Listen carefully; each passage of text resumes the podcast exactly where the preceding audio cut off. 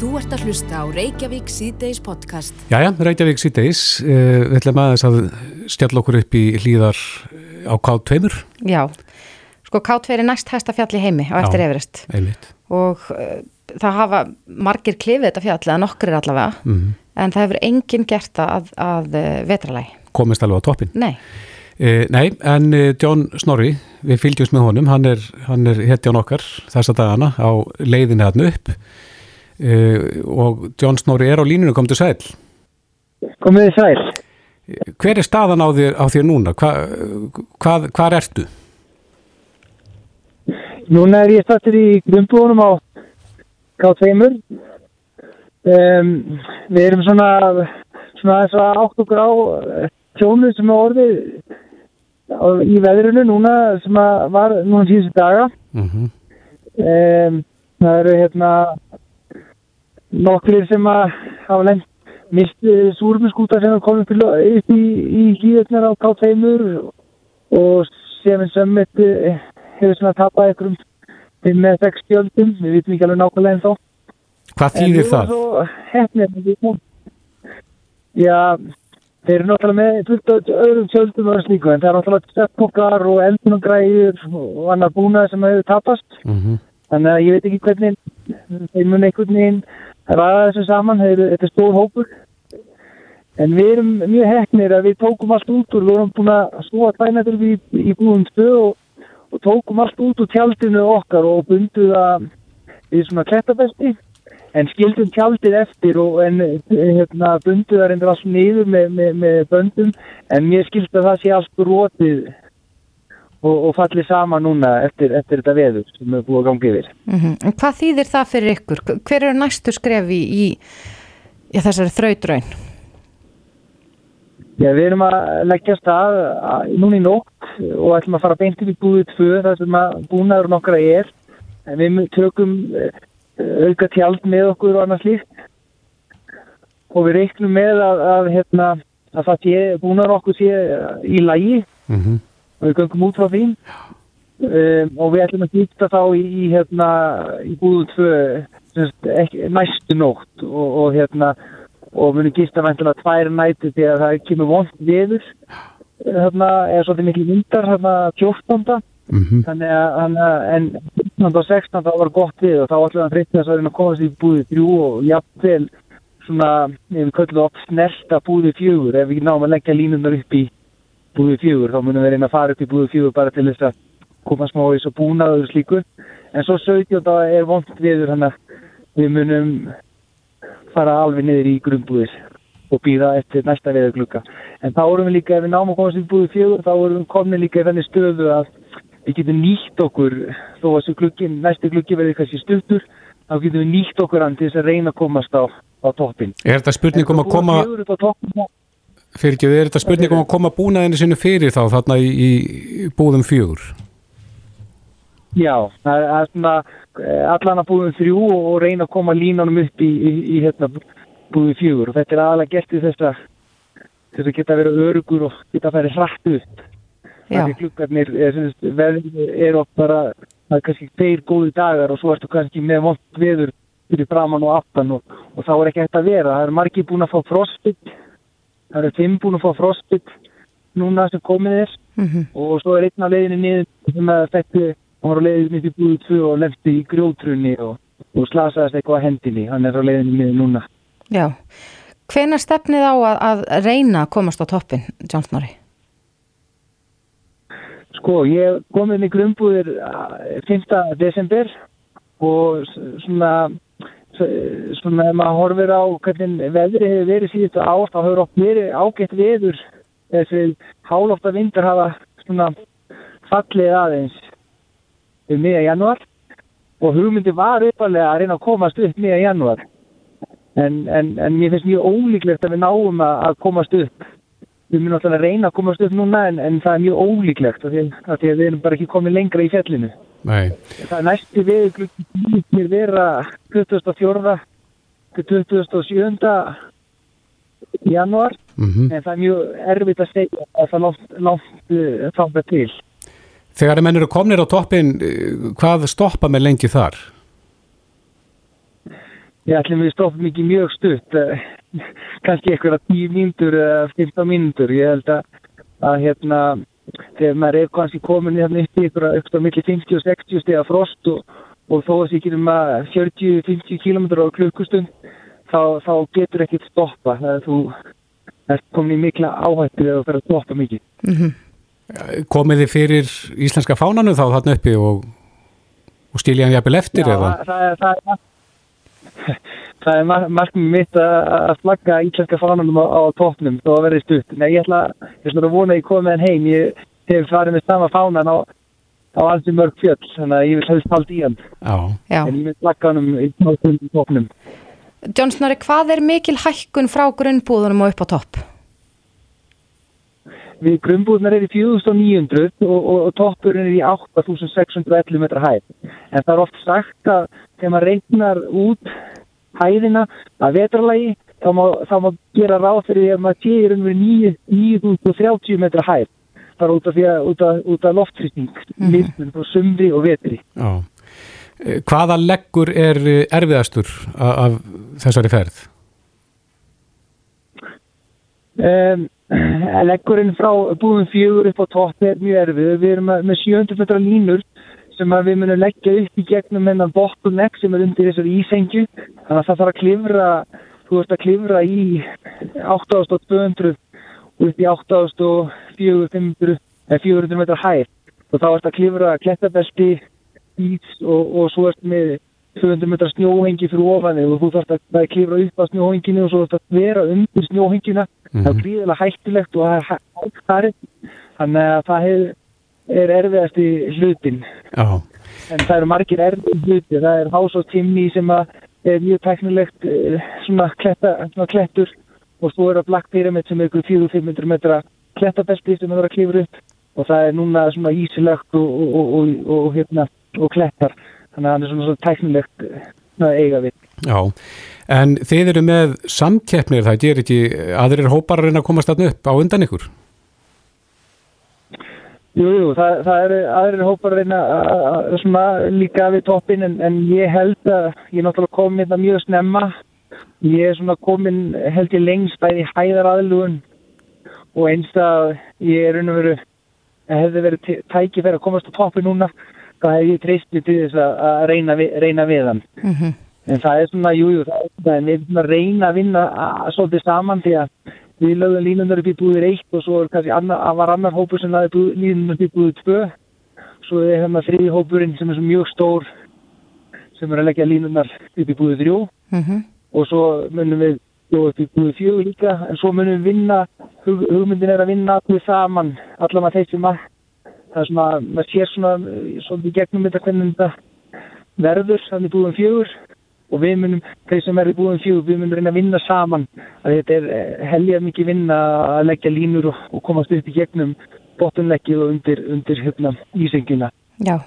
John Snorri, ertu bjart síðan á að þetta muni takast? Þetta erfiða verkefni?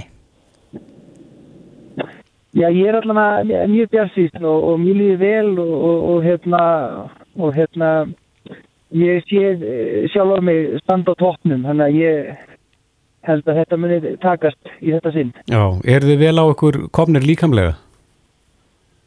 Já, við erum mjög, mjög vel á komnið, við, erum- við, við erum mjög skipulagðir, við erum passað okkur að vera ekki alltaf lengjum í fjallinu, við erum tekið rétt að hæðalaðluðunir og náum að borða alveg, alveg gríðalega vel, þannig að við erum bæði góða orku og við, við góða hæðalaðluðun, þannig að ég myndi segja við séum alveg, já, bara eins og góðu form og hægtur að vera til þess að takast á þetta verkefni. Já, John Snorri Sigur Jónsson frá Talar frá K2 Kærar þakkir fyrir þetta og gangi ykkur vel. Takk fyrir sem við leiðist. Þú ert að hlusta á Reykjavík C-Days podcast. Jæja, þjóðin hugsa nú um vart meira heldur en og annað heldur en bólefni, Já, það er þannig. en Við, það er beðið. já, við erum búin að býða og eh, ekkert svo lengi en, en þetta er, ég held að vonir hafi staðið til þess að við værum að sjá alla bólusætti hérna fyrir mars og Já. þess vegna kannski er ákveðin vonbriði þegar við sjáum fréttir af að við erum að fá þetta í smáum skömmtum og ég held að við séum óþreyfull. Já, einhver kalla þetta smáskamta lækningar en, en hérna, ég veit ekki, það komu 1200 skamta til landsins frá Moderna En e, svo hefur verið sagt á því í fréttum að, að Danir e, sé að reyna að svindla sér eitthvað inn í þessar viðrað við Pfizer eða hvað? Kári Stefansson, sæl. Já, í fyrsta legi þá, þá vil ég leggja áherslu af það að, að í stjórnvöld á Íslandi hafa bara staðið sér svokkalega vel. Ég held að það sé ekki ekkert upp á þau að klaga. Það sem, e, sem stjórnvöld gerðu var að, að slast í hóp með hinnum Norðurlandasjóðunum sem ákváði að fara með efnaðspandalaginu í þetta verk og ástæðan fyrir því að það var skynnsanlegt á sínu tíma er að það vissi enginn hvaða lifja fyrirtæki er þið fyrst mm -hmm. í að mhm. koma bólefna markað og það þurfti að semja víða við, við eh, margskonar aðila og þeir samninga voru kannski að vissuleiti þess eðlis að það var miklu öðvöldara að fara í þá í samflóttíma. Þannig að ekki, ekki klaga ómikið undan því hvernig Ríkstjón hefur unnið þetta mann að sé held hún að geta mjög vel. Já. Eitt er svo annað að, að þegar maður horfir á það hvað er að koma út úr þessu samningum núna fyrsta hluti afsins, það finnst manni eins og Europasambandi hafi verið svolítið klöðalegt. En það er annar mál. Þá? Þegar það kemur að, að, að Pfizer-málunum þá var, eru mál þannig að Þórúlfur og ég og Alma vorum á sumfundi með fulltrúum Pfizer það sem var rætt um þennan möguleika og svo tveimur dugum síðar þá fæ ég stílaboð frá yfirmanni Serum Institutsins í Köpmannöfn sem segist hafa verið að semja við Pfizer og frétt þar af, af því að við séum í viðræðin við Pfizer um möguleikana því að gera fasa fjögur tilraun upp á Íslandi og þeir vilji fá að vera með. Hvað fælst í því, fyrir ekki því áður og heldur lengra, hvað fælst í fasa fjögur? Það er fælst í því að gera tilraun að lifi sem er, eða bólefni sem þegar er búið að samsýtja og til þess að rannsaka það frekkar og það var svo leið sem að við ákveðum að nota til þess að reyna að ná í, í meira bólefni að, að það er því bólusettu stórhundalastlut í Íslandska sjóða til þess að kanna ekki bara hvernig bólefni myndi verja þá sem voru bólusettur heldur líka hýna sem voru ekki bólusettur í sama samfélagi mm -hmm. þannig að þetta kanna hugmyndina um, um sjarðónami en, en og mér fannst þetta óþægilegt að því fulltrúi Bæsas í Skandinavíu sem var á þessum sumfundi stildi leka þessu í danska aðila sem að hafa því slutverkti að djagna að reyna ná í bólefni til Danmarkur og eh, mér fannst einhvern veginn eins og ef það hefði einhver áhrif þá myndi það minka líkunar á því að þetta gengi upp vegna þess að það var komið svolítið ófríður í þetta. En það er algjörlega ramt ef, ef það heft, haf, var rétt haft eftir mér þá var það ekki rétt hjá mér að þeir var að reyna að stjama fyrir síðan svo. Mm -hmm. Og ég er býst ná óannað með frettina eins hún kom fyrir á fórsiðu frettablansins í dag. En ég ber ábyrð á henni og uh, ég, kannski maður læri á gamarsaldri loksins að, að halda kæfti þegar það er við Já, en, en þetta snýst um trúnabrest Það var óhefilegt, það var óhefilegt að, að þessi að metti þessi danisti fulltrúi stildi segja frá þessu en það var ennþá óhefilega að ég stildi bladur um þetta þennan hátt en þetta er ekki holst Nei, en Kári, hver er staðan á þessu? Megu við enn vona að, að þessi tilurum verði gerð? Ég held að við höfum fulla ástæðu til að vona það en þá hún verði gerð og ég held við hljóttum að, að frétta eitthvað af því fyrir vikur og En Kári, maður getur ekki annað en hort með aðdáðanar augum til Ísrael sem að verðast að hafa tryggt sínum þegnum bólusetningu og fyrir lok mars Aðdáin mín af því hvernig Ísraelar hafi gert þetta, hún er nú takmörku vegna þess að, að það hefur enginn verið bólusettur í Palestínu sem er landsvæði á þeirra ábyrð. Mm -hmm. Þeir hafa engungu bólusett sitt fólk og í því sjá sér maður enn einu sinni hvernig þeir stifta fólki í þá henni útvöldu og þá sem er eftir útvöldir og það er eftir stjæmtilegt. En eru þeir, Ísraela, veistu það, eru þeir búin að lofa fasa fjögur tilrönn? Nei, það hef gert hér. Þeir eru óskup einfallega að e, gera sjálfur svolítið tilinu með hversu langt til að líða milli fyrstu og setni, fyrir og setni bólusetningurinnar mm -hmm. og síðan að deila nýðustöðum með Pfizer sem er vísna gott. En er hægt að tala við fleiri? Það er að segja nú er Moderna líka og AstraZeneca. Uh, erum við bara með hugan við Pfizer?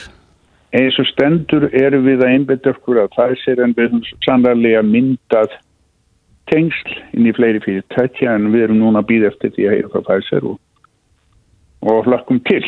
Mm -hmm. e, má búastu því að það komi, komist botni þetta fæsirmál fljótlega? Ég rekna með því að það komist botni þetta fæsirmál fyrir við klokk. Ertu bjart sín?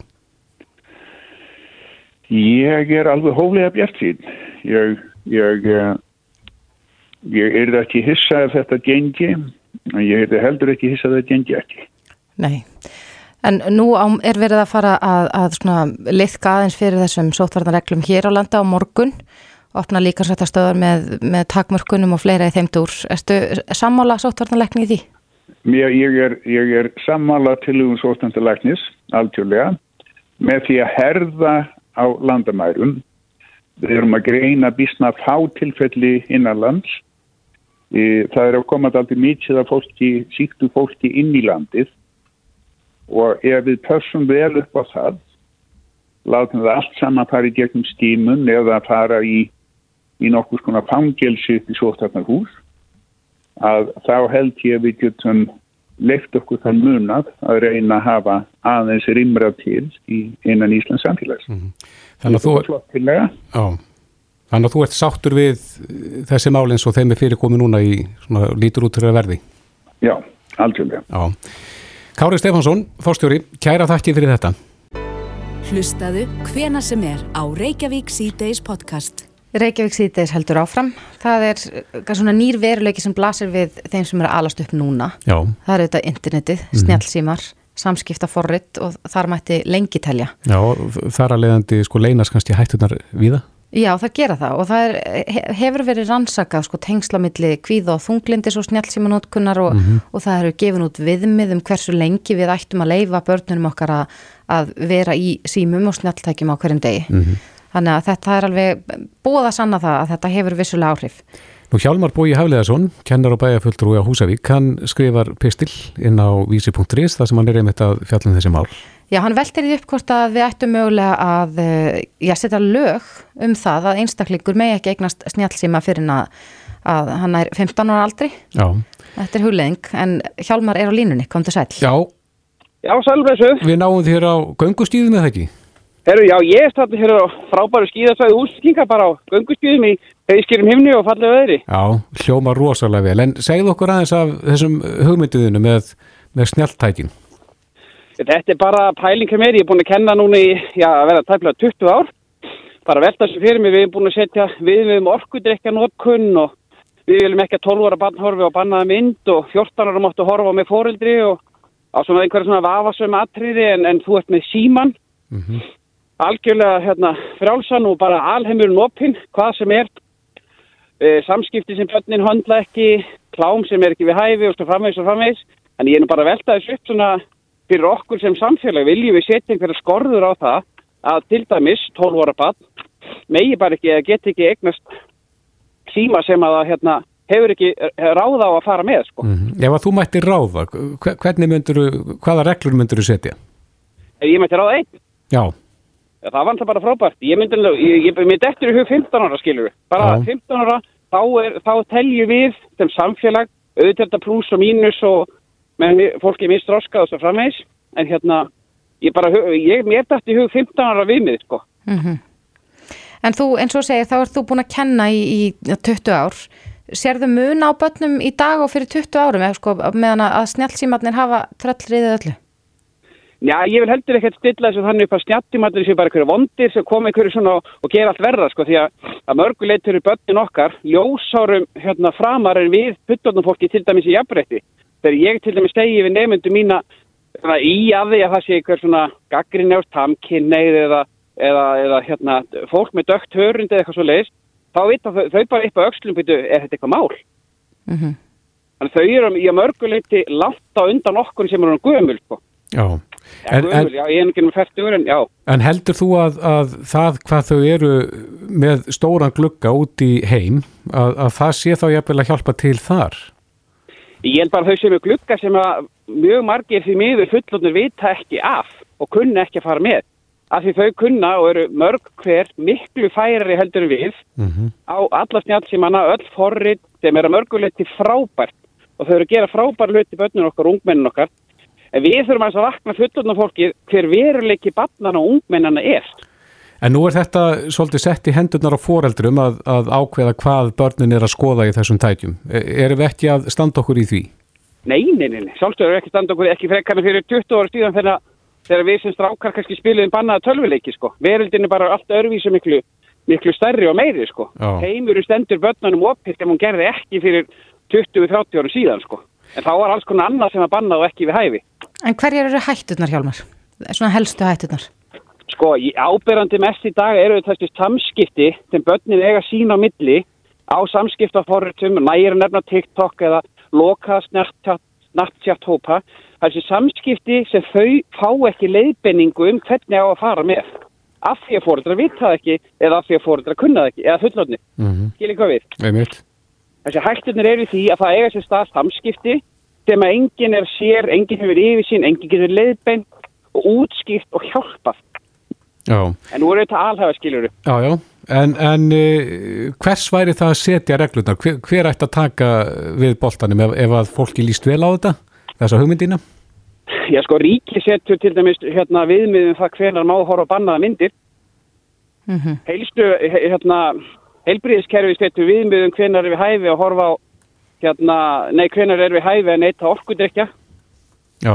Ég veit ekki alveg hvers það er að segja, herðu, já, her, þetta er nú ekki alveg við hæfi. Nei. Er það stiðfæðistofnun? Það er bara frábár stofnun við Háskóli Íslands.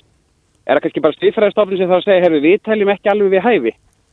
Ég veit ekki hver að vera, skilji. Ég er bara að varpa boltan út í kosmos í vonum einmitt um frekar umræðu, sko. En veistu til þess að þetta hefur verið gert eitthvað starf annar staðar? Eða er þið Ísland fyrst í heiminum?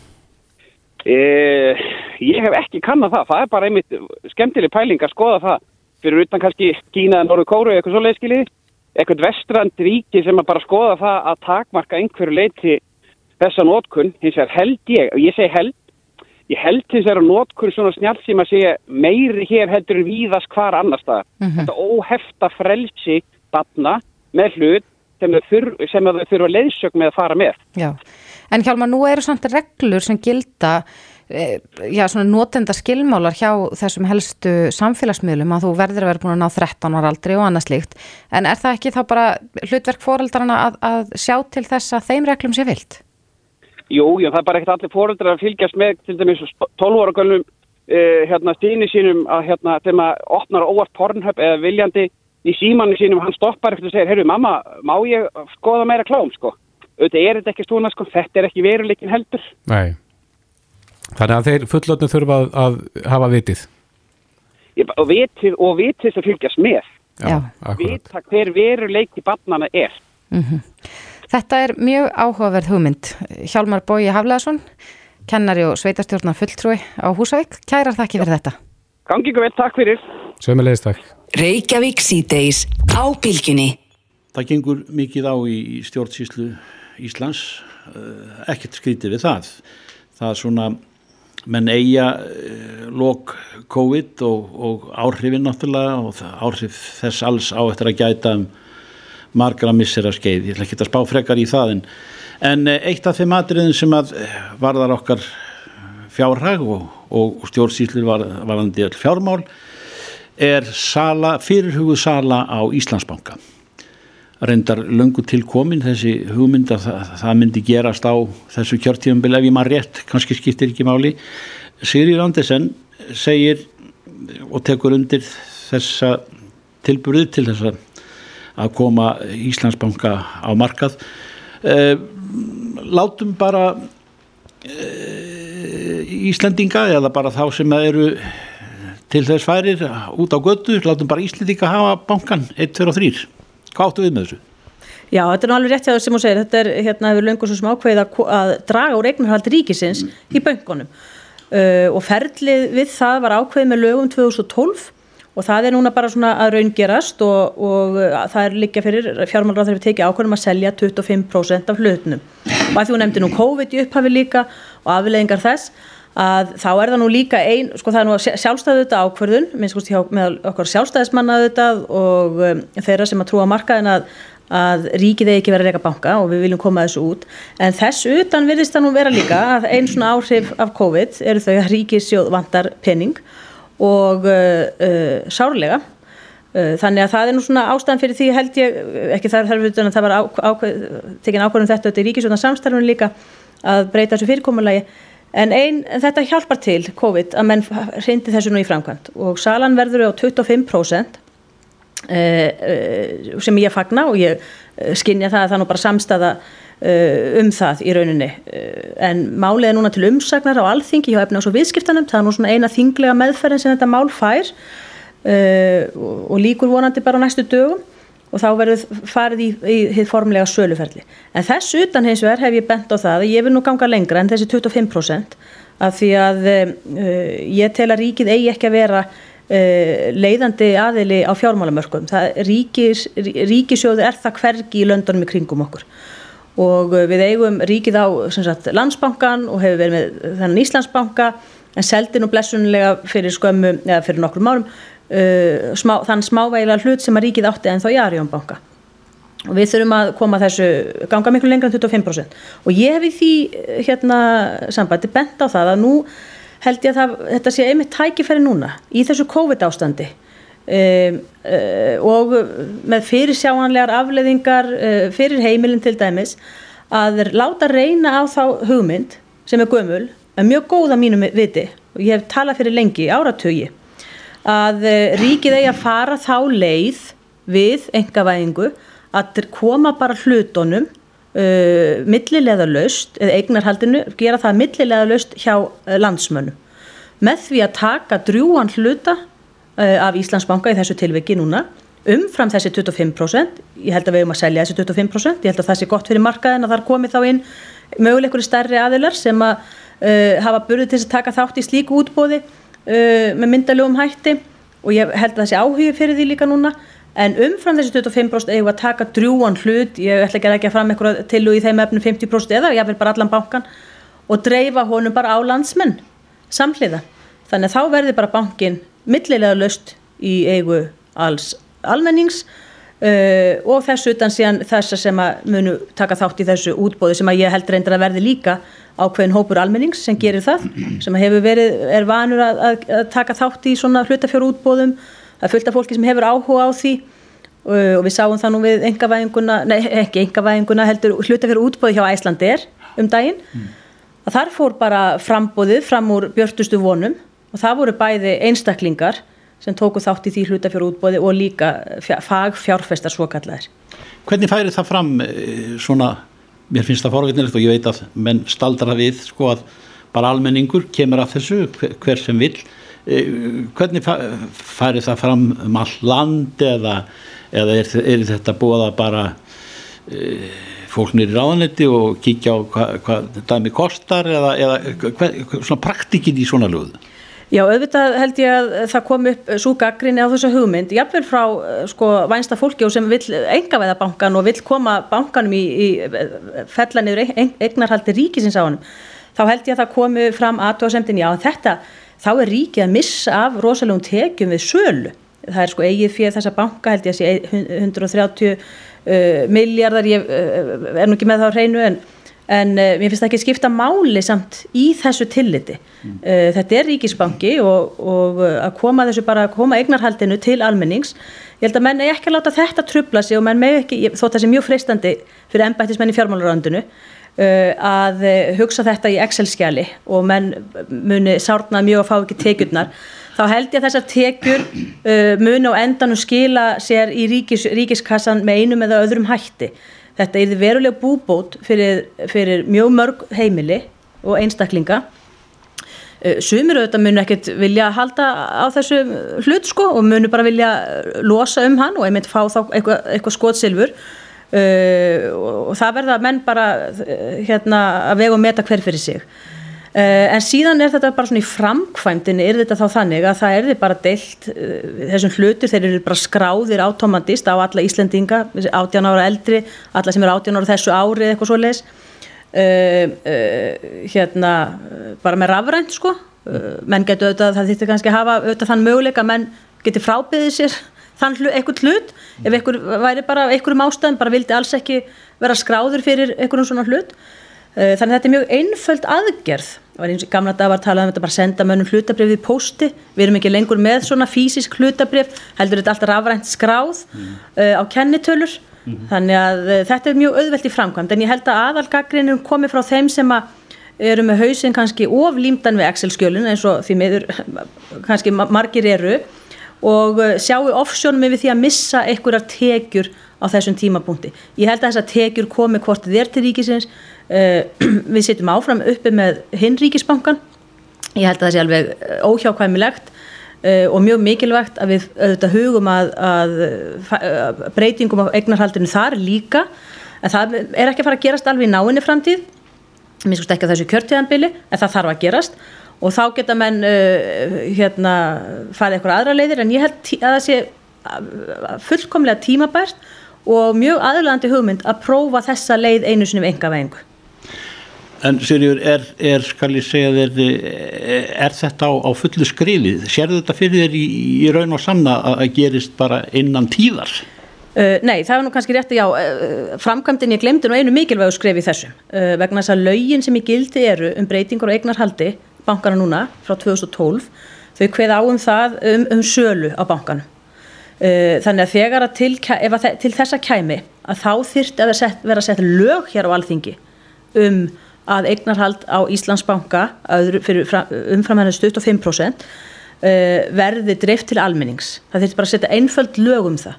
Og ég hef beint því til efnáðs og viðskiptanemdar að ræða þessa hugmynd, uh, skoða hana, fá til sín gesti og, og hérna, uh, til þess að ræða þessa hugmynd og fjalla eitthvað um hana í sinni umsögn til ráþeira og ég hef uh, rættið þetta margóft við fjármálráþeira, forman sjálfstæðarflokksins sem að nota benni hefur sjálfur talað fyrir þessu ítrekað á landsfundum flokksins og, og, og, og flokkurinn sjálfur hefur álíktað að þetta sé uh, eðlileg leið og heppileg að uh, færa eignarhald drjúan hluta úr þessum fjármálastofnunum með þessum hætti.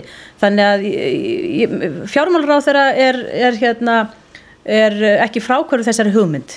Uh, þannig ég legg bara áslá að menn skoði þetta og ræði og uh, hafi nú dögu í sér einu, til þess að hrinda þessi framkvæmt. Það gæti komið til innan fára missera ef allt gengið svona með þessum hætti sem þú nefnir. Já, þá er það uh, annarkort til dæmis, já, ég nefni það bara í þessu að því efnars og viðskiptarnefnd er að ræða þetta, ég hef mm. hvart nefndina bara sjálfa til þess að leggja fram frumvarp um þetta núna á þessu þingi, uh, um dreifingu á þessu Uh, ég veit ekki hvort að hún uh, nú veit ég ekkert hvernig umræðin í þessu efna viðskiptarnefnd er, ég seti ekki þar sjálf fjármálur á þeirra sjálfur, hann getur auðvitað komið með hinga með frumvarp að þessu leiti og svo, þriði mögulegin að ég sjálf komið með þetta en þá þarf ég að vinna því fylgi hérna á þinginu. Og ég hef spurt sko þingminn hérna ekki það að það væri fróðlegt að heyra hvað menn hefði á móti þessari aðferð. Ég held að bæði sko vinstri og hægri menn hljóti geta samanst um auðstjórn almennings eins og ég hef nefnt þetta og tek það frá honum Ejjólu Konrad Jónssoni heitnum fyrirvendi þingmanni sjálfstæðismanni sem fann þetta fína orð yfir, yfir eh, þáttöku almennings og hlutabriðamarkaði en eh, eins og ég segi þá held ég að menn eh, þeir sem hafi finnið þessu eitthvað til forráttu uh, sé að gera það á okkur um tæknilegum atriðum en ekki hugmyndafræðilegum. Já, það er spennand að fylgjast með þessu og, og, og svo þú segir ekki endilega þetta falli í einhverjar pólitíska skotgrafir heldur geti menn sé þetta fyrir sér svona kannski heimi hér aði eða, eða, eða einhver staðar skiluru, binda samtökum eða, eða hvernig sem er. Mm. en e, áður ég, ég veit þú ert að önnum kafinn e, efnaðs og viðskiptanemnd er, er að fjallum þetta. Áður ég segi bless við þig Sirjur að þá hérna COVID er í rénun, Þa, það er svona tilfinning fyrir því og tölur dagsins bera það með sér ef við höldum rétt á spilum núna og bólefnið koma inn eh, svona eh, kannski ekki beilins í gríð og erg en svona með jöfnum millibili. Um, þú hafðir skoðanir á því hvernig við höfum borðið okkur af í, í, í vörnum eða í, í þessari baráttu fyrir því að, að koma böndum á kvíkindið COVID sjálft. Eftir ennþá þeirra skoðunar að, að við höfum verið full varkár í, í okkar gjörðum? Já, ég held nú að líkilorði sem svolítið hjá þér sem hefur verið svífandið við vötnum hér þar að segja að það sé okkur tilfinning fyrir hlutunum. Uh, nú veit ég ekki hvort að þetta er í rénun eða eitthvað en, en tilfinning er alveg svo sem alveg gott og hvað annað eins og mér hefur sínst á málum haldið.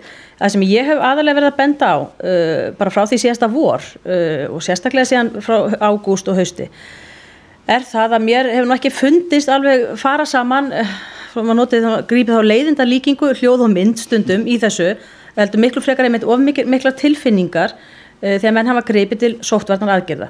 Uh, þegar maður rínir uh, gögnin um smitin og hvaðan þau eru að koma og þar fram til gödunum þá finn ég því ekki ennþá stað að, að sumar aðgerðinar hafi skipt nokkru máli en voru þó samt gríðarlega þungbærar mjög mörgu fólki og uh, mér hefur fundist að vanta miklu meiri umræðu um það uh, hvaða er sem er að virka í svona sóttvörnum og hvaða er sem er ekki að virka. Og við sjáum það í löndunum í kringum okkur sem hafa farið mjög mismunandi leiðir að það virðist ekki skipta nokkru máli hvaða leiðir menn hafa verið að fara. Uh, það kemur, ros, koma rosalega bylgjur í öllum þessum löndum. Löndi sem hafa gengin og harðast eins og Belgia og Spátn og verið með lokað algjörlega fullkominn mannriðinda brota mínu mati. Hvernig hefur verið staðið að, að, aðgerðum þar? Uh, þau hafa farið bara mjög illa út úr því, út úr faraldurum ef litið er á greint smitt svo hefur við líka eftir að ræða uh, hverju það eru sem er að greinast uh, hver er raunverulega dánatíðinni hverju það eru sem er að deyja, úr hverju þeir eru raunverulega að deyja og þar fættu gotum öll þessi umræður eftir er eftir ef einhver nennir að taka hana þegar við erum loksins laus við, við þessa veiru. En það sem að blasi við núna og er jákvægt og við hefum að vera bjart sín er það að það er komin bólöfni og þau eru nú sem betur fyrir á hendi engaðila, það er ekki ríkis bólu efna fyrirtæki, þá myndi ég nú ekki vera bjart sín, heldur eru tugi engaðila og fyrirtækja út um allan heim að vinna hörðum handum að því að finna bóluefni og dreifa því sem hraðast út um allan öll lönd og fyrir það ef að vera þakklátt og hafa trúa og ég full bjart sín með tilkomi bóluefni að við getum kýlt þetta niður uh, og það verður meirinn tilfinningin að þetta sé búið, þetta verður raunverulega hveði í kútin með einhverjum hætti. Sérur, takk. Takk fyrir. Þetta er Reykjavík C-Days podcast. Já, Reykjavík C-Days, við ætlum að halda þess áfram með þá umræðu sem við vorum með þér í gær meðal annars en það er að byggjast upp mikil óanæja og erum að sapna undirskriftum vegna þessara ákvörðunar eh, helbriðis ráð þeirra að eh, skima, hægt að skima hjá konum sem eru færtuar og færa það, það viðmið upp í 50 ára aldur og við heyrim að um 30 konur greinast með brjóstakrabaminn uh, á hverju ári uh, millir 40 og 50 ára þannig að, að þetta stiftir gríðarlega miklu máli. Við heyrim í gæri í höllu Þorvaldstóttur sem er frangvandastjóri krabbaminsfélagsins og uh, spurðum hana hvort að þarna væri ekki verið að fara í þver öfuga átt við það sem að mælt er með. Já, þetta er náttúrulega gríðarlega mikil breyting. Hér á landi hefur það verið þannig að konum hefur verið bóðið í brjóstaskemannir um færtugt Mm -hmm. og það segir sig sjálft að þegar það er verið að gera svona breytingar þá náttúrulega hljóta þær að þurfa að byggja á bestu þekkingu og ég held svo sem að við þurfum kannski ekkit endilega að hafa evasendir um að, að hún liggi þarna einhver stað til grundvallar en það sem hins vegar hefur ekki verið gert það er að upplýsa konur í landinu um annars vegar ákverðunina og hins vegar af hverju er verið að gera þetta. Hvaða rauk eru fyrir því að færa hlutina í þetta, uh, þetta form? Já, þetta sagði Halla Þorvaldstóttir við okkur í gær, frangatastjóri Krabbamiðsfélagsins en á línunni er Helga Vala Helgadóttir, formaður velferðanemndar Þingsins, kom til sæl. Sælverði. Já, þessi óanæg hefur teikt sig inn í þína nefnd og þið hafi verið að fjalla eins um þetta málið það ekki í dag? Já, það var bara örstutt uh, ákverðun, sameila ákverðun allra í nefndinni að kalla eftir upplýsingum fljótt og vel frá ráðnetinu um hvernig standur á þessar ákverðun, á hverju þessi ákverðun byggir.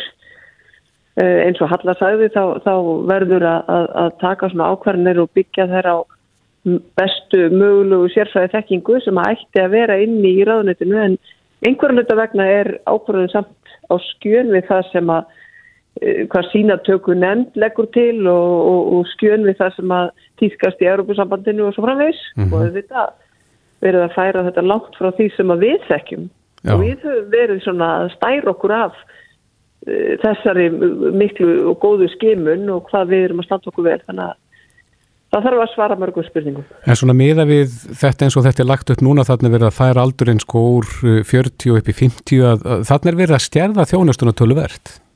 Já, já, það heldur betur mjög mikið og þetta er þetta líka bara mikið kvartning fyrir okkur konur þegar við fáum þessa bóðun strax við færtur samturinn og við fáum uh, uh, þessa reglulegu bóðun á þessum árum. Það, það skiptir mjög miklu máli af því að að, að það er þarna sem að eftirliti á sér stað. Þetta er tíjar á tímabil 30 konur á ári sem greinast. Við skulum alveg átlokur á því á þessu, þessu tíjara aldurspili mm -hmm. þannig að, að, að á tíu árum sem að ekki er verið að skima þessar konur þá auðvitað við sjáum hvað það er. Já, við... auðvitað greinast einhverjar konur mm -hmm. uh, þegar að þær hafa komið í skimuna því að þær finna hjá sér einhverja hnúta en það eru líka konur sem að greinast algjörlega án þess að hafa fundið nokkra hnúta eða haft nokkra tilfinningu fyrir því að það væri brjóstakrabbi að, að láta á sig kræla þannig að það eru þær konur sem við viljum nú ekki missa. Nei og maður er að lesa fæslur frá, á, frá þessum konum einmitt sem að hafa komið þarna og ekki haft grænan grunn um að eitthvað vera reyðra um sig en, en þetta við bjarga lífið þeirra og þær eru mjög sorgmættar yfir þessar ákvörðun. Já, eðlilega þetta er lífsbjörg. Það er lífsbjörg að geta grepið svona hratt inn í Kristófer. Og það er það sem skiptir máli. Af því að á þessum árum nú hef, er ég ekki sérfræðingur í þessu heldur hef verið að lesa mig til núna síðan ég sá þetta hvað í fyrra dag. Mm -hmm. á þessum árum þá er líka meiri hætta á að um sig að ræða svona já, þess háttar brjóstakrappa sem að, sem að hefur einhvern veginn með meiri hörku og, og, og breytir sér hratt skils mér af því að hafa lesið einhverja, einhverja fræðigreinar. Og hérna að það sé það, þurr, það sé svona brýtna að bregðast hratt við mm -hmm. áður en það breyðist út og verður skæðara.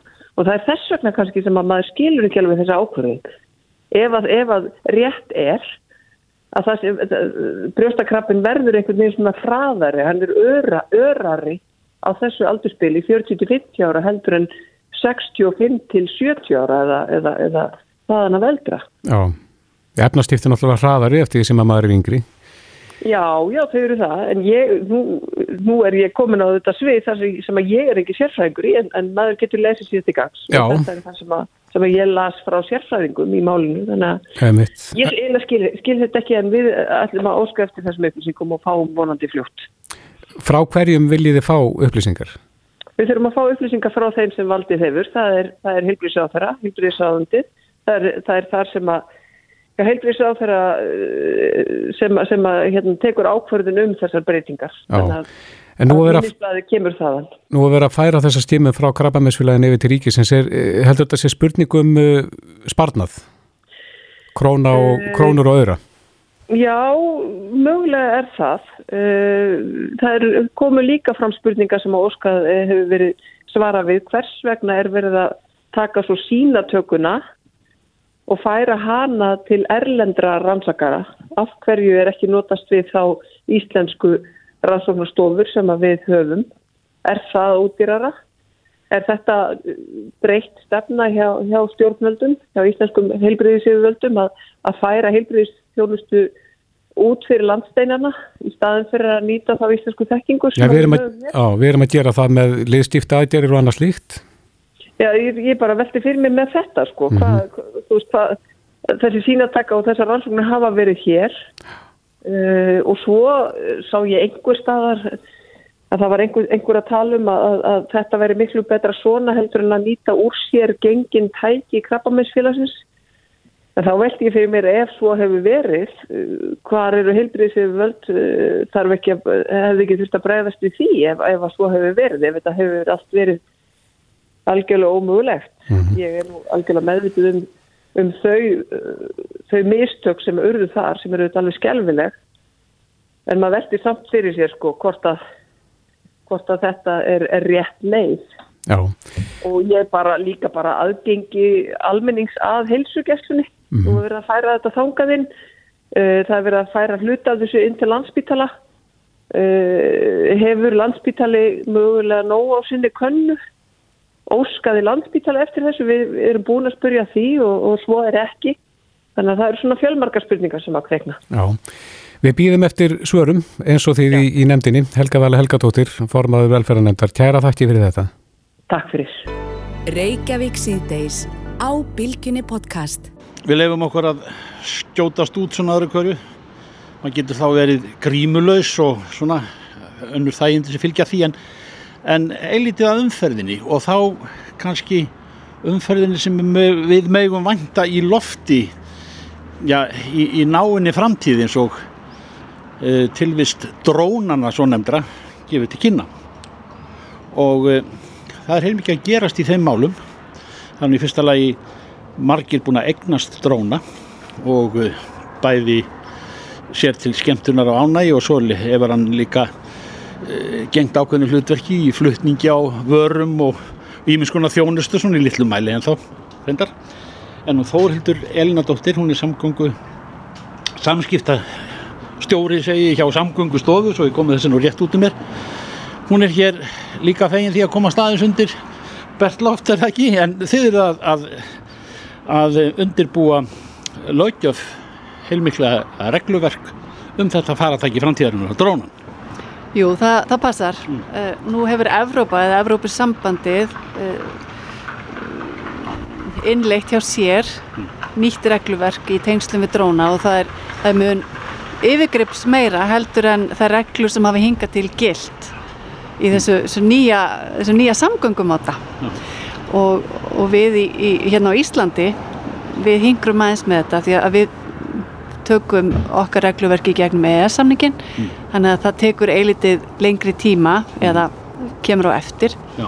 þannig að þó þetta hefur innleitt í Evrópu, annars er í Evrópu þá, þá hjá okkur innan EES að þá eru við núna með það í undibúningi mm.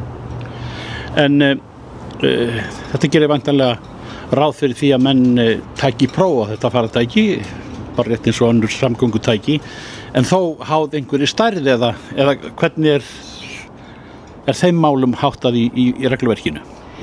Eh, það fer í raunin eftir eh, bæði stærð drónans mm. og, og svona notkun eða öllu heldur hvar drónin verður notaður þetta er umtalsvært meiri flokkun í þessu nýja regluverki heldur en í núgildandi regluverki hérna á Íslandi þannig að þetta er svona pínulítið þú þarfst að setja það eins inn í þetta ef þú ætlar að vita nákvæmlega hvað þú ætti að gera og, og, og uh, hvernig en, en léttustu drónarnir sem eru þá 250 gram eða undir 250 gram og eru skilgrendir sem leikvang ef þeir eru ekki með myndavél þá þarf þetta ekki að gera neitt, þá ertu bara með dót mm.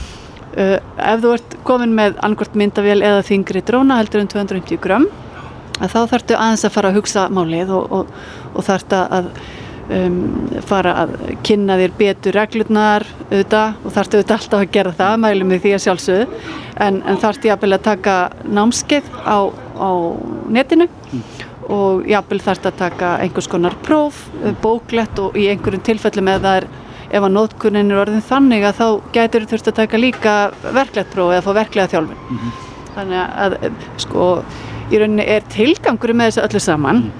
Þetta er ekki bara verið að búa til hérna, meiri flækjur heldur þverst á móti. Það er verið að reyna að, að eh, svona, hvað ég segja, hjálpa fólki að átta sig á þeirri ábyrg sem að, sem að eh, notkun dróna getur falið í sér og felur í sér og, og líka að, að gera fólk kannski hæfara til að nota þá og, og njóta góðsæðum að þetta eru frábært tæki og, og hafa reynst hérna á Íslandi bara mjög vel, fólk hefur farið vel með drónana, þetta hefur drónaflug hefur gengið mjög vel og alla tilraunar sem hafa verið gerðar í, í tengslum við aukna notkunn þeirra hef, hafa í rauninu gengið óskum, þannig að þetta er allt í rauninu mjög jákvægt mm -hmm.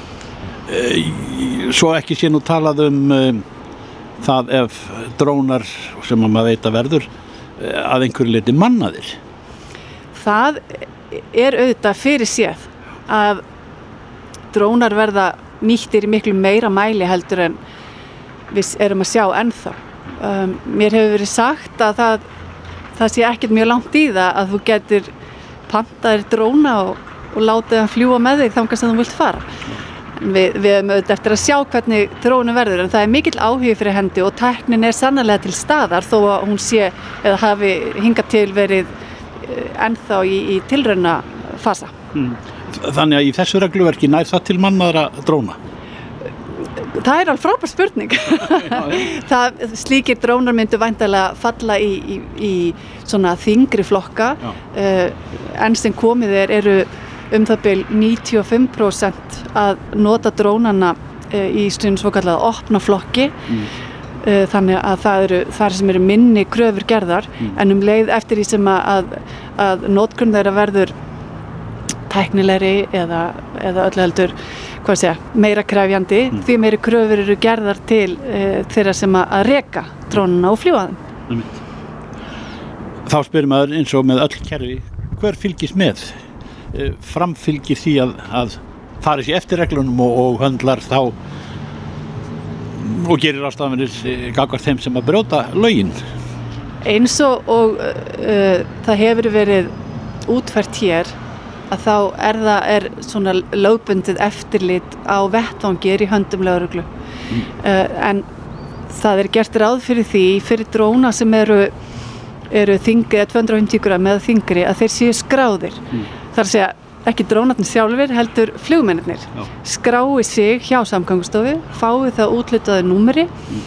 og sem að þeir merkja svo drónarna sína með og þá geta það líka verið örugari með það að fá hann aftur í hendur ef, ef að eitthvað breyður út af ef, ef þeir tapa drónan með hann að slikt og, og aftur á móti þá, þá er líka auðvitað gerð ákveðin krafa um ábyrð þeirra sem að, að fljúa dróna að þeir, þeir fari vel með þá. Uh, persónuvend er, er afar sterk í þessu þessu regluverki. Uh, þannig að þetta gengur allt út af það að þetta geti allt farið saman mm. með mannlífinu eins og er mm. og fólk þurfi ekki að óttast drónana heldur uh, ná að nýta þá og, og, og færa sér í rauninni þessa möguleika í nýtt mm. Ég sé að þetta er, þetta er gríðarlega mikið regluverk og verður að vera, eðlumálsangand Þetta er já, þetta er tölvört umfórsmeira heldur en það sem við höfum, höfum verið með hinga til mm. það er ekki komið að því ennþá að innlega þetta. Við erum að undirbúa það hjá okkur og, og við erum tilbúin þegar að, þegar að það verður innlegt mm. Eh, formlega. Mm. Um, jú, þetta er vissulega meira heldur en, heldur en hinga til en, en vonandi verður þetta ekki þannig að, að fólk, þetta þvælist fyrir fólki. Við munum, uh, við munum fara stað með, með fræðslu mm. og þegar að nær dregur mm. þannig að fólk geti leita sér upplýsingar með aðgengilegum hætti hjá samgöngstofu. Og þú, svo ég, eftir þetta viðtal heyri vantanlega fyrir mér að þegar að fjalla er um samgöngumála þá, þá er færð til drónaflugs með þessum hætti hér eða þar og, og vindafar og annað sem kemur inn í, þetta kemur sem en, já, inn í kerfið um samgöngur bara almennt. Já, algjörlega og, og þau sem ætla að fljúa dróna svona við kannski meiri skilir þið heldur en bara út í gardi á góðum sumadegi mm. að þau þurfa meðalans einmitt þessi námskeið fjöla í, í sér að ákveðna kannski ákveðin lærdóm í veðufræð Þórildur Elnadóttir samgöngu stjóri hjá samgöngustofu. Ég held ég hafi þetta allt saman rétt en Nei, nei, nei. en, en alveg nóg en, en við höfum bæði meira á drónunum. Takk fyrir. Takk kærlega fyrir. Reykjavík síðdeis á Bilginni podcast. Reykjavík sýtti snúum okkur að þessa heilsunni mm -hmm. það er nú uh, stundum sem að við tölum um þarmaflórunna. Já og það, mér finnst alltaf að vera að koma meira og meira í ljós hversu miklu máli hún skiptir, hversu miklu máli það skiptir að, að hún sé í góðu jafnvægi. Já og við höfum reynda rætt á oftar neinu sinni þessum þætti að, að uh, þetta byrjar allt sama bara við fæðingu og það getur stift máli hvaða ljósmóðu tekur á móti manni, hvaða, hvernig þarmaflóran eða bakteríuflóran verður. Mm -hmm. En eh, ég rakst á grein eh, inn á Metro, eh, breska Metroblæðinu, það sem að Já, fyrirsögnin er eitthvað á þá leið að þarna eru sérfræðingar að stýra út hvernig hægt sé að hakka sér inn í þarmálóruna, svona til þess að bæta hilsuna. Já, og betrum bætana sem sagt með því að, að brjótast þar inn. Já, það er spurning. Hún er búin að kýtja á þetta fyrir okkur svo sem að veit einna allra mest og best um þarmálflórunu í Íslandi. Byrnaki Áspjósdóttir, doktorsnefni Hilbriðisvísendum við Háskóla Íslands, kom til sæl. Sæl. Já, þú er búin að kýtja þess á þessa grein fyrir okkur. Hvað, um hvað snýst þetta? Já, þetta er í rauninni grein sem er ansók sem að gera fólki, heitir The Predict Study og var að rannsaka bæði breyta og amerikana uh, og skoða í rauninni tengsl þarmaflórunar við fæðið, þannig að þeir voru að skoða ansi marga, marga þætti, hvaði borðuðu og síðan greinduður og ræðgreindu hérna örfurur og þörmunum og voru að skoða í rauninni hvaða áhrif fæðan hefði á þarmaflóruna og í rauninni sagt, fæða, þarmaflóra og ákveðinir svona efnaskipta þættir. Mm -hmm. Og þar var ímislegt áhugavert sem kom í ljós uh, í rauninni í tengslum við hjart og æðarsjúkdóma, sikursíki 2 og offittu, að það virðist sem að sagt, tarmaflóran hafi í rauninni meiri áhrif á þróun þessari sjúkdóma og, þessi, sagt, og á þessar mælingar heldur en beint þættir úr fæðinu. Akkurat. Þannig að það er að segja að flóran eða örfurutnar e, skipta meira máli heldur en í rauninni innihald e, fæðuna sem einstakling, einstaklingurinn er að láta ofan í sig. Mm -hmm. Á, e, gildir eitt um alla í þessum efnum? Því að ég e, las hérna í þessari frétta að það væri sko, að velja þá, þær fæðu tegundir sem eru sko, bestar fyrir einstaklingin en ekki endilega fyrir alla. Já, sko í rauninni það sem þessi rannsóknir að segja okkur er að, að hérna, þetta er svo einstaklingsbundi þannig við getum í rauninni ekki sagt að þessi fæða eða hinn fæðan sé holl eða óholl að öllu leiti vegna þess að hún er, við getum bara rauninni sagt að hálfu leiti vegna þess að, þessi skiptur svo miklu máli er síðan einstaklingur sem borðar og hans flóra, hvað kemur út úr eh, hverju niðurstaðan verður. Þannig að með því að skilja samhengi á milli þeirra e, þess sem er borðað og þarmaflórunar og hver útkoma verður, þá er hægt að fara tilbaka og segja ok, e, þú ert með svona flóru, þú borðast þetta og þá í rauninni er hægt að fara að gera svona einstaklingsmiður plön, mm -hmm. varðandi nærtafæði eða, eða hérna hilsu e, öðra ágjöf. En getur við byrna breytt þarmaflórunni með mataræðinu? Já, og svo getum við það. Í rauninni snýst þetta um að skilja hvern, svona í baseline, hvar eru við stödd og hvað getum við þá gert og ef við breytum mataræðinu þá breytum við flórunni. Þannig að flóran hefur áhrif á hvað við fáum út úr matnum en það sem við látum ofan í okkur, það sem við veljum okkur, það þróar og, og hérna, hefur alltaf áhrif á þess að þarmaflóru alveg okkur með einasta degi. Mm -hmm. En samkvæmt þessar rannsók, er eitthvað eitthva sérstakt sem við ættum helst að láta ofan í okkur? Sko, áðurlega fyrir mig það, þá myndi ég vilja segja að það sem kom út úr í rauninni þessari rannsók sem er mjög áhugavert er að sagt, e, það er ákveðið samtal sem ásins stað á milli þarmaflórunar og svona ákveðina efnaskipta þáttar sem er í líkamannum og það virðist sem, sem sagt, það er meira samtal á milli þessara efnaskipta þáttar heldur en bara og þarmaflórunar heldur en genana okkar og þarmaflórunar sem er mjög áhugavert. Og hérna og það eru ákveðinar örfur í rauninni líka sem að sína sterkari tengsl við efnaskiptin okkar eins og blóðsíkursjafnagi eða, eða hérna, blóðfýttu og e, í rauninni ef við horfum á þetta í samhengi og horfum á oftingt og hérna þarmaflórun okkar að þá náttúrulega e, í tengslu við líka efnaskipta sjúkdómi eins og bara hækkað hækka blóðsíkur, hækkað blóðfýttu og svo framvegð að þá er þetta einstaklingar sem eru líka útsettari fyrir COVID. Þeir komið mitt inn á það. Uh, þannig að það er mjög mikilvægt átt að sjá því að, að þarmaflóran spila þarna hlutverk vegna sem hún hefur ásif á í rauninni efnaskiptun okkar og, og, hérna, og þá í rauninni líkunar ákost við erum að síkjast eða hversu vel eða illa við veikjumst, hvern, hvernig ráðum við við þær síkingar sem við fáum. Mm -hmm. En Birna, nú förum við og það þekkja það flestir að þegar eitthvað bjátar á í líkamannum að þá erum að sendur í blóðrannsókn svona mm -hmm. til þess að lesa út hvernig blóðhagurinn er og annað slíkt e, svona miða við mikilvægi þarmaflórunar þyrst ekki að fara að taka upp einhverja, einhverja soliðsprófun það er að segja að maður fari bara með sörsýni í stæðin fyrir blóðsýni Jú, það er alveg hægt að gera það. Það er reyndar ekki rannsakað að ég veit hérlendis en það eru erlendis rannsóknustofur sem taka við svona sör sínum og greina. Er þetta ekki framtíðin samt? Ég er algjörlega samfærið um það en þetta er samt svolítið snúið vegna þess að í dag getum við farið í blóðpröfu, fengið niðurstöður og það er ákveðin viðmið sem við höfum. Mm -hmm. Við höfum engin viðmið í flórunni, þarmaflórunni Mikrobiómið er svo einstaklingsbundið og það er meira kannski eftir líka því við að taka fingrafar og segja hver er með hérna, heilbriðt fingrafar. Það er hver og einn með sitt fingrafar, það er hver og einn með sínum þarmaflóru. Þannig við hvað eigum við að miða? Við vitum það ekki ennþá. Mm -hmm. Þannig að það er í rauninni ekki hægt að greina og segja, eh, koma með eh, nákvæmar niðurstöður fyrir en að við höfum eitthvað við mig og ég veit ekki hvort við höfum það einhver tíma því þetta er svo einstaklingsbundi. Þannig að kannski verður, ein, verðum við endur við á því að þegar við förum í einhverju sínatöku og fáum einhverju niðurstöður þá þurfum við reynilega að miða við okkur sjálf. Þá þurfum við bara að fara reglulega og sjá hvernig okkar flóra er að þróast. Mm -hmm. Það er það sem ég dættur helst í hug í dag. En fyrir þá sem eru mögulega að glýma við ykkur að helsu kvilla og, og grunar kannski að, að magaflóran gæti spila þar inni, hvað er til ráða? Er, er það spurningum að breyta mataræðinu og sjá hvort að líðanin verið betri eða, eða hvað? Þetta er alltaf spurningum mataræði. Fyrst og fremst, þó auðvitað við getum ekki tekið aðra þetta út, það er svefn og reyfing og lífstíl almennt og allt það. En mataræði er alltaf stærst í þátturinn vegna sem við borðum okkur um einustu degi að öruglega þrísar og dagir gjóftar alla æfi svona eftir fyrstu mánuði frá því við fæðumst. Og þetta er stærsti þátturinn sem hefur áhrif á flórun okkar klárlega.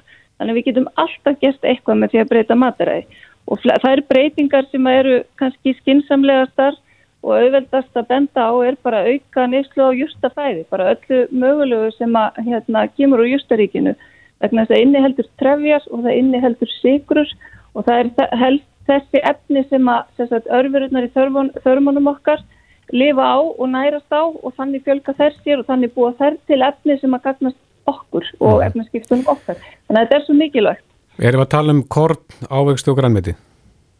Við erum að tala um kornmeti, ávegstu, grænmeti, hnetur og fræ og bönir.